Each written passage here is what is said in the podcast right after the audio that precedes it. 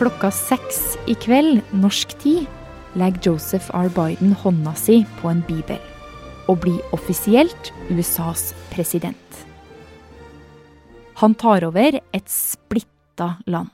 Protests against police brutality and systemic racism are spreading beyond cities and mainly minority areas of the U.S.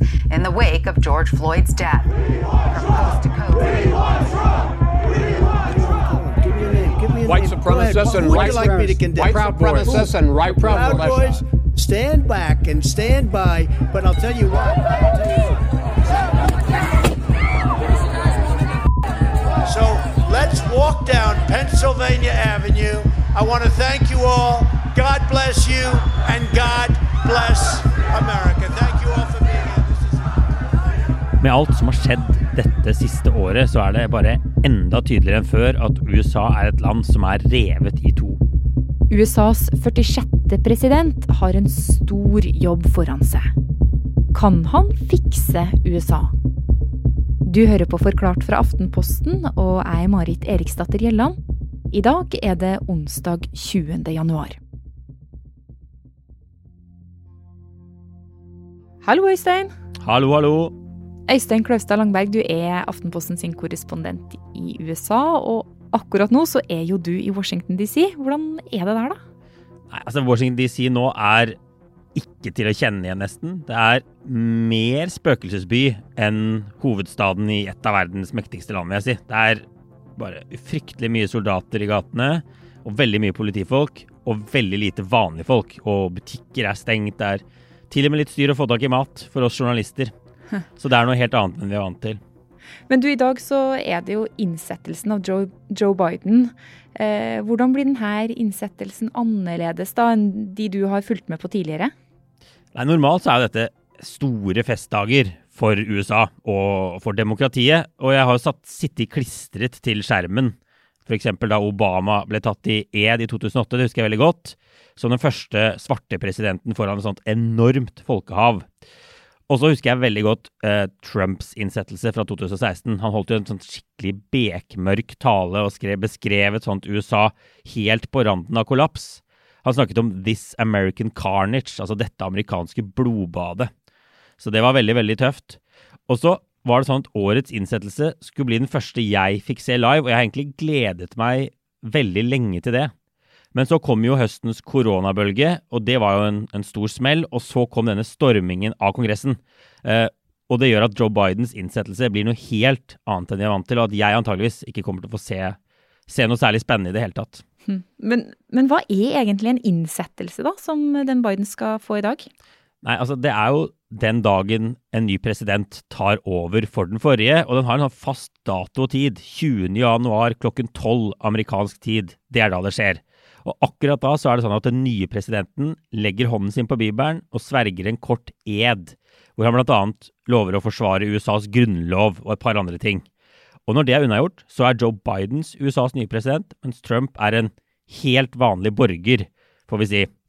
Eh, og selve den edsavleggelsen er jo en ganske kort del av seremonien. Det er alltid en nasjonalsang også, og så er det litt underholdning. Eh, og så holder den nye presidenten en tale. And we begin this week with the eerie calm settling in Washington as thousands of National Guardsmen take positions across the city over concerns of more potential violence. With President-elect Joe Sikkerheten i den amerikanske hovedstaden eh, skal nå være på topp nivå når Joe Biden tas i ed som ny president i morgen. 25 000 soldater fra nasjonalgarden er plassert rundt omkring i Washington DC. Det er mer enn dobbelt så mange som ved tidligere presidentinnsettelser. FBI har også gjort bakgrunnssjekker av soldatene, så det ikke skal være noe fare for at noen av dem bistår eller gjennomfører et angrep. Sånn det ser ut i Washington DC nå, så tar politiet og myndighetene i USA ingen sjanser. Og det betyr jo at de fortsatt tror at det er en ganske stor trussel eh, mot hele innsettelsesdagen og innsettelsesseremonien. Og etter det som skjedde, stormingen av Kongressen 6.1, så skjønner man jo at, at man har et land som er i høyspenn. Og så er det vanskelig å si om det faktisk vil skje noe. Det er veldig veldig vanskelig å gjennomføre noe i Washington DC nå. Det er jo vanskelig å helt tatt komme seg i nærheten av Det hvite hus eller Kongressen. Så slik det ser ut nå, så, jo, så har jo myndighetene kontroll, i hvert fall her i hovedstaden. Men jeg tror, klar, altså jeg tror de er forberedt på at det kan skje ting. Og Det er jo sånn, det er ikke så mye som minner om fest i DC nå, for å si det forsiktig. Og veldig mange av de jeg snakker med, synes dette enorme militære og politibudet er et ganske sånn trist skue. Det er jo ikke noe nytt at det er høy sikkerhet rundt presidenten og en dag som det her, men det er ingen som har vært med på noe i nærheten av det, uh, dette, som dette før i Washington DC. Og det er ikke bare sikkerheten og frykten for et angrep som er stor. I tillegg så kommer korona, som fører til at folk som skal delta på innsettelsen, må holde avstand og være forsiktig. Og oppå alt det her så har også Trump sagt at han ikke vil delta, noe som er veldig uvanlig. På mange måter blir den spesielle innsettelsen av Biden et slags bilde på hvordan det står til i et av verdens mektigste land. Altså, USA er et utrolig splittet land. Det er en klisjé, men det er like fullt sant. Altså, Når man ikke klarer å bytte en president uten å ty til så ekstreme sikkerhetstiltak som vi ser rundt meg her i DC nå, eh, så viser du at mye ikke er som det skal. Og akkurat det de anerkjenner Jeg har reist litt rundt de siste dagene. De aller fleste jeg kjenner med, de anerkjenner det, både på venstresiden og på høyresiden. Men, men det som er litt skremmende, er at veldig få synes å tro at det er mulig å bringe folk sammen igjen. Eh, mange av dem som stemte på Trump, vil trolig aldri se på Biden som en legitim president, selv om Biden jo faktisk vant valget. Og det er ganske klart. Men Biden har lova at han skal jobbe for å samle USA igjen. Og det er noe ved han som få andre har, som kan gjøre nettopp Biden til rett mann for oppgaven.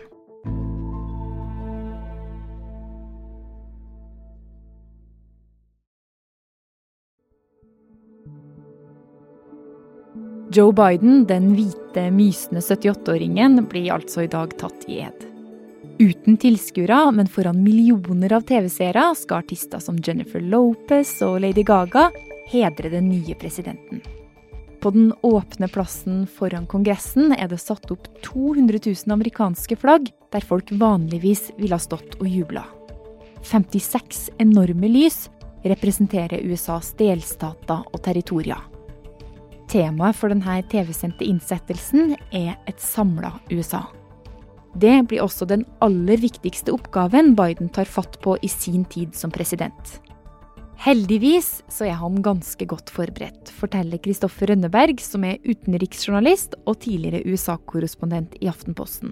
Ja, nå er det vel ingen som har hatt med seg så mye erfaring og kunnskap om Washington inn i Det hvite hus som hva Joe Biden har, eh, og hva han gjør nå i dag.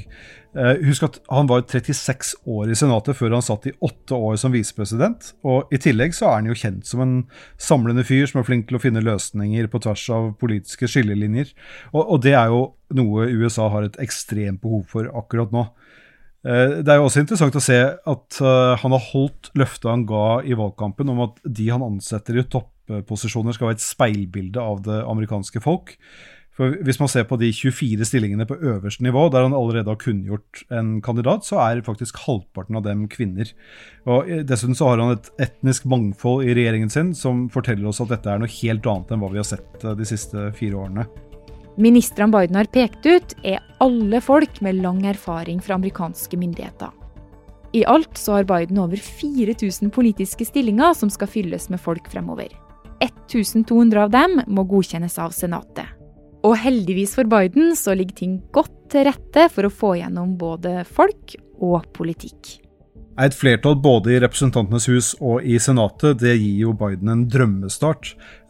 Eh, helt sånn i første omgang så, så, gjør det det lettere for ham å få bekreftet disse personene han skal ha inn i toppstillinger, fordi de må bekreftes av Senatet. Og når Biden har flertall der, så blir det mye lettere enn, eh, enn hvis republikanerne hadde styrt. Uh, og så vil det bli lettere for Biden nå fremover å få gjennomført en del av de tiltakene han uh, har lovet å gjøre så fort han overtar som president. Der er redningspakken pga. koronakrisen kanskje den aller største og den viktigste nå i, nå i første omgang.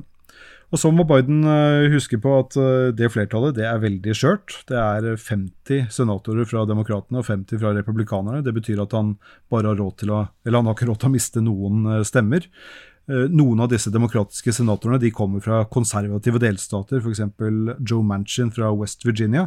Og det er grenser for hva han kan gå med på av, av politikk utover på venstrefløyen, uten at det går på bekostning av hans egen jobb Så det er altså noe Biden må, må ta hensyn til.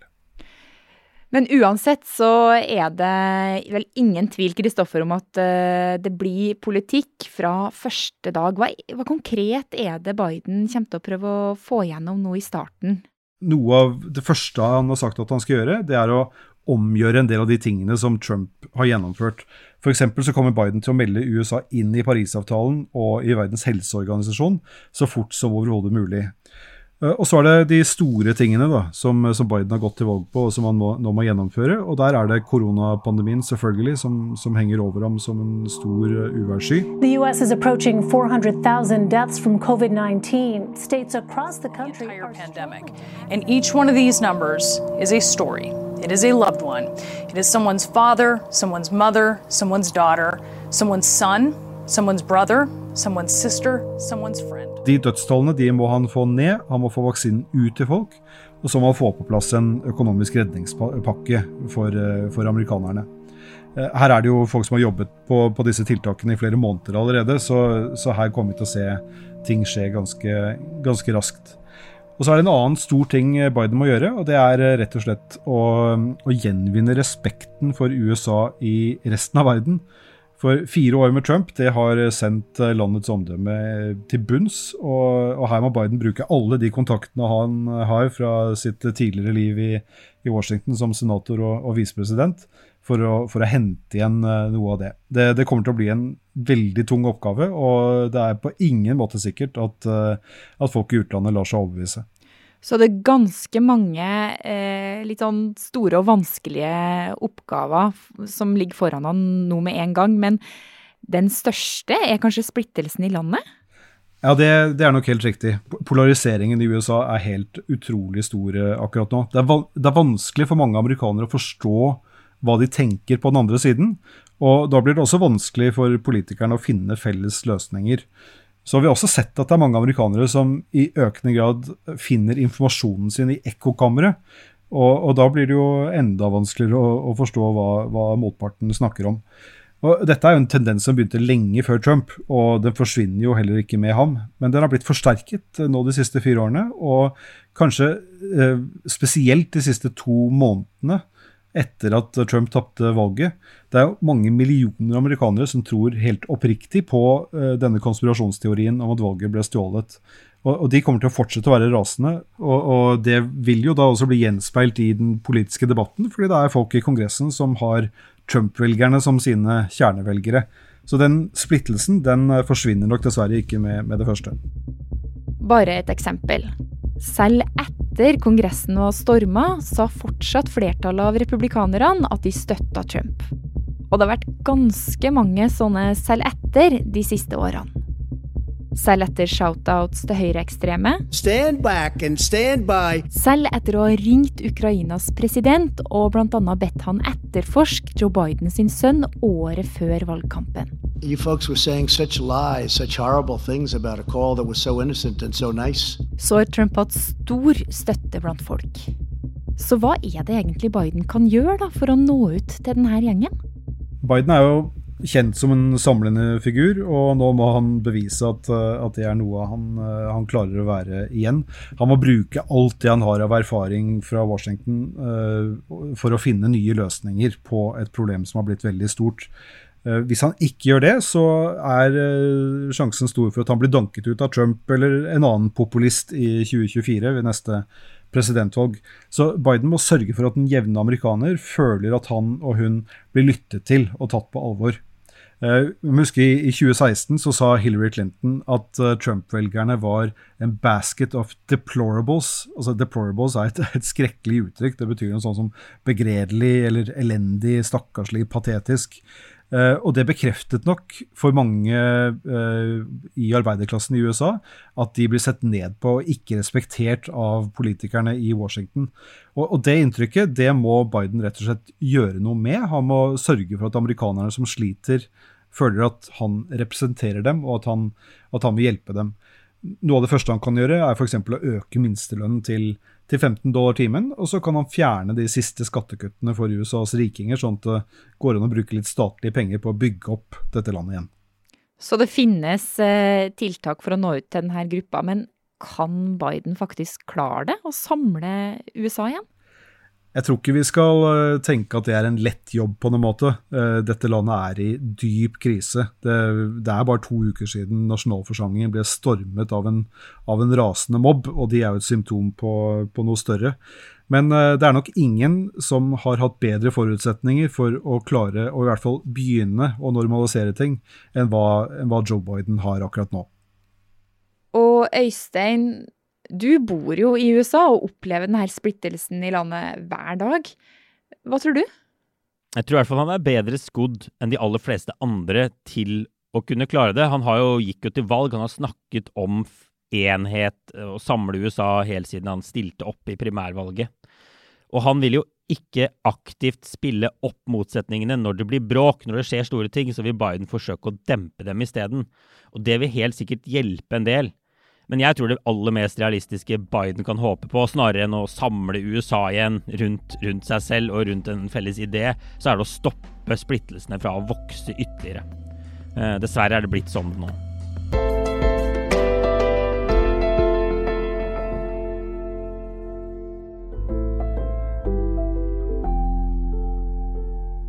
Denne episoden var laga av produsent David Vekoni og meg, Marit Eriksdatter Gjelland. Resten av Forklart er Ina Swann, Anne Lindholm og Caroline Fossland.